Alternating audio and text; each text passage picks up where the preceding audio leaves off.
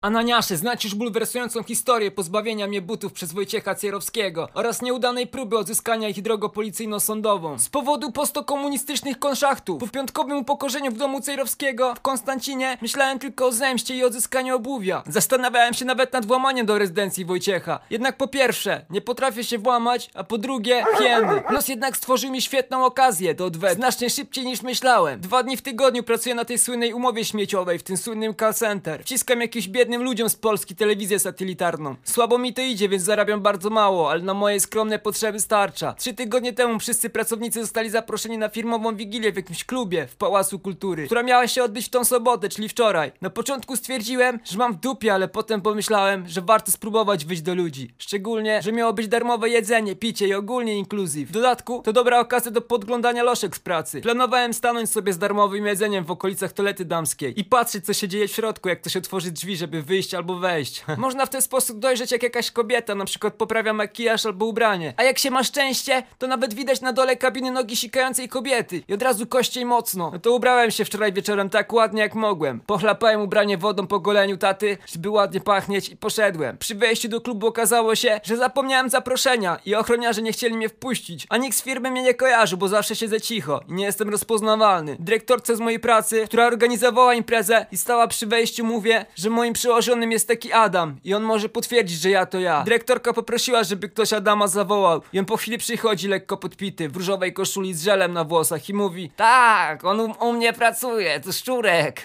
Dumny pseudonim Szczurek został mi przydzielony na samym początku pracy przez Adama właśnie. Ludzie w kolejce, która zrobiła się dosyć duża przez zamieszanie z moim zaproszeniem, się śmieją, a ja szybko wskoczyłem do środka, żeby zostawić upokorzenie za sobą. Impreza się rozkręca i monterzy już się mierzą ze spojrzeniami ze sprzedawcami. U nas w firmie jest taka tradycja, że monterzy i sprzedawcy nienawidzą się jak kibice dwóch różnych drużyn piłkarskich. I na każdej imprezie firmowej dochodzi do potyczek na tym tle. Konflikt jest tak stary jak firma i każdy duży pracujący monter czy sprzedawca ma jakiś porachunek z poprzednich zabaw firmowych. Wiosną mieliśmy imprezę z okazji dziesięciolecia powstania spółki. Jeden sprzedawca potłukł w ferworze walki jakiemuś monterowi szklankę na głowie tak, że tamten ma teraz biznes przez pół łba, więc było pewne, że teraz monterzy będą chcieli pomścić kamrata. W pewnym momencie na scenę wszedł prezes zarządu i wygłosił mowę, w której dziękował nam wszystkim za dobrą pracę itd. A potem zapowiedział występ gwiazdy, niespodzianki na scenę wskoczył Wojtek Cejrowski we własnej złodziejskiej osobie. I w dodatku moich butach! Mi się wrywało z ust. Oj jebany! Jakaś babka z działu HR, co stała obok powiedziała, że firma Cejrowskiemu zapłaciła 15 tysięcy za występ, więc lepiej żeby mi się podobało, bo inaczej ona porozmawia z moim przełożonym. Albo będziemy mieli na każdej imprezie Marylę Rodowicz, jak było do tej pory. Wojciech opowiadał jakieś dowcipy podróżnicze. Ja myślałem tylko jak mu te buty zabrać. W jednym momencie na przykład wziął jakiegoś Mirka z publiczności na scenę i zadaje mu podchwytliwe pytanie, czy był na otwarciu. Mirek pyta czego, a Cejrowski za cały głos Parasola w murzyńskiej chacie na pustyni! Cała sala ryczy ze śmiechu. Po godzinie Wojtek skończył występ na scenie i przechadza się z kieliszkiem wina między ludźmi zagadywał. Pewnie mu za to zapłacili. Ja musiałem bardzo uważać, żeby mnie nie zauważył, bo od razu się stał bardzo czujny i pilnował butów. W międzyczasie ja wpadłem na świetny pomysł, żeby Cejrowskiego udłużyć za pomocą Zolpidemu, który kiedyś przepisał mi lekarz na niedobór wygrywu i fobię społeczną i który cały czas noszę przy dla pewności, mimo że nie korzystam. Pokruszyłem cztery tabletki, proszek zawinąłem w chusteczkę i czekam na odpowiedni moment. Po kilku minutach jakiś monter albo sprzedawca wylądował w fontanie po ciosie od innego pracownika i wszyscy łącznie z Cejrowskim patrzyli się w tamtą stronę, więc ja korzystam z okazji. Podszedłem szybko do Wojtka i wsypałem mu zulpidem do wina. Na moje szczęście wina było już mało, więc Cejrowski wypił je jednym łykiem. Skrzywił się i zamówił whisky. Cały czas go obserwowałem i po jakichś 20 minutach już był oszołomiony, jakby się wina z zolpidemem napił. I zaczął zataczać się w kierunku kibla, więc poszedłem za nim. Wszedłem do łazienki i zobaczyłem, że Cejrowski zamknął się w jednej z kabin i leży na ziemi, a jakieś mirki się śmieją. Hehe, no pan Wojtek to se pobalował dzisiaj. Nie mogłem przy nich odkraść butów, więc podchodzę do Mirków i mówię, że jestem synem Wojciecha Cejrowskiego i przyjechałem zabrać go do domu. Nie mogę go znaleźć, no to oni mówią, że w kabinie leży. I czy mogą mój autograf osobisty, jak syna sławnego człowieka jestem. Nabazgrałem im jakiś podpis na papierze toaletowym i poprosiłem o pomoc i jeden Mirek wskoczył do kabiny górą i otworzył drzwi, a pozostali podnieśli Cejrowskiego tak, że mogłem sobie zarzucić jego rękę na ramię. Wychodzę z Wojciechem na ramieniu z klubu. Wszyscy mi schodzą z drogi i patrzą z szacunkiem, że jestem tak blisko ze znaną osobistością. Jak już opuściłem klub, to rzuciłem nieprzytomnego Cejrowskiego w krzaki iglaste pod Pałacem Kultury. Ściągnąłem mu buty i poszedłem, stwierdzając, żeby chuj zamarł za moją krzywdę. Jednak gdy jechałem do domu, to sumienie mnie ruszyło i zadzwoniłem na 112. I powiedziałem, że przy Emilii Plater w krzakach leży jakiś mężczyzna że to chyba Wojciech Cejrowski, bo był boso. Po odzyskaniu butów myślałem, że moje przygody już się skończyły. Tak jednak nie miało się stać. Moja mamela jest hardo wierząca i praktykuje praktykująca oraz zaangażowana społecznie i politycznie jako sekretarz lokalnego klubu Gazety Polskiej. Udziela się też we wszystkich możliwych inicjatywach kościelnych, typu strojenie ołtarzy, na procesję z okazji Bożego Ciała, tydzień modlitwy za Polaków na wschodzie i tak.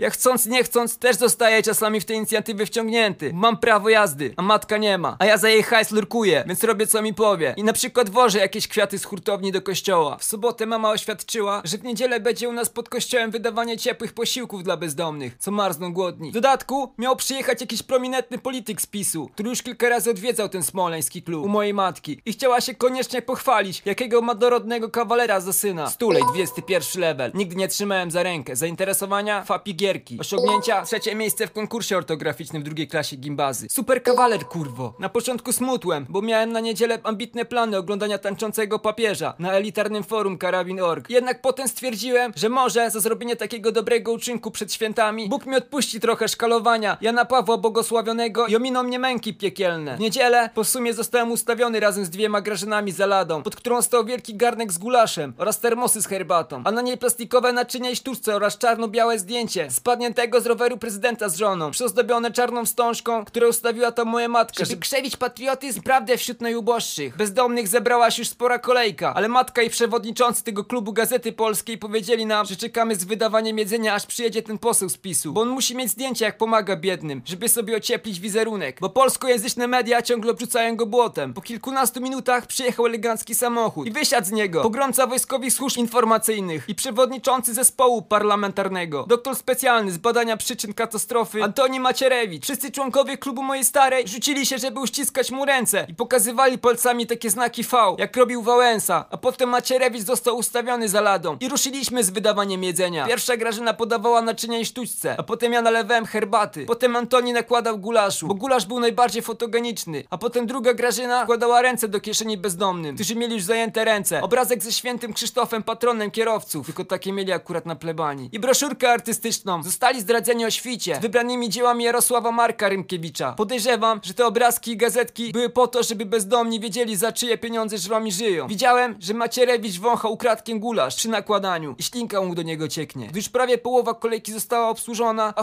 fotografowie najebali kilkaset zdjęć Antoniego i zaczęli zwijać sprzęt, Macierewicz powiedział, że niestety gulasz już się skończył, więc pozostali mogą dostać po dwa kubki herbaty i po dwa zestawy religijno-poetyckie. Bezdomni nie wyglądali na zadowolonych, ale nie byli zbyt dobrej pozycji do negocjacji. Ja byłem oprócz Macierewicza jedyną osobą, która zaglądała pod ladę, bo wyciągałem stamtąd kolejne termosy z herbatą. Widziałem, że w garze był jeszcze w trzy czwarte pełen gulaszu. Gdy kolejka się trochę przerzedziła, Macierewicz zaczął mnie zagadywać, że moja mama to dzielna kobieta, gdzie się uczę i tak dalej. Powiedziałem, że studiuję dziennikarstwo, a Macierewicz powiedział, że to bardzo dobrze, że w przyszłości jak już wygrają wybory, to będę mógł pisać prawdę w gazetach. Po chwili wszyscy bezdomni już sobie poszli, bo rozeszła się wśród nich wiadomość, że gulaszu już nie dają i grażynki zaczęły wycierać ladę. Macierewicz powiedział, że on weźmie garnek do siebie do domu i umyje, żeby prostym ludziom nie robić kłopotu i żebym pomógł mu zanieść go do samochodu, bo ciężki. Udawałem, że nie wiem o gulaszu w środku i pomogłem wsadzić gar do bagażnika. Mama się na mnie patrzyła z daleka i widziałem, że jest bardzo dumna, że z samym patronem Antonim taki gar niosę. Po uporaniu się z naczyniem, Macierewicz zaproponował, że może mnie kawałek podrzucić do domu. Poleciałem do mamy i pytam, czy wraca już do domu, bo pan Antoni nas może podwieźć. Ale matka powiedziała, że ona musi jeszcze z księdzem Klopsem ustalić, jak przystroją kościół na pasterkę. I żebym jechał, a ona sobie wróci sama. Z oczu po raz pierwszy pociekły jej łzy radości, spowodowane widocznie tym, że pojadę samochodem z takim wielkim Polakiem. Jak odchodziłem, pobłogosławiła mnie na drogę znakiem krzyża. Ostatnio raz zrobiła coś takiego, jak ojciec wyjeżdżał do Niemiec, zbierać szparagi w 2002. Wsiadłem do eleganckiego Volvo Macierewicza i ruszyliśmy. Po kilku minutach jechaliśmy już ulicą Sobieskiego i byliśmy niedaleko mojego mieszkania przy Dolnej. Jednak Macierewicz nagle zjechał z ulicy i powiedział, że on ma tu coś do załatwienia i dalej już niestety muszę wracać pieszo albo autobusem. No do widzenia podziękował mi za pomoc garkiem. Powiedział, że jestem dobrym Polakiem. Dał długopis napisem Antoni Macierewicz, twój kandydat na posła. Prawda zwycięży.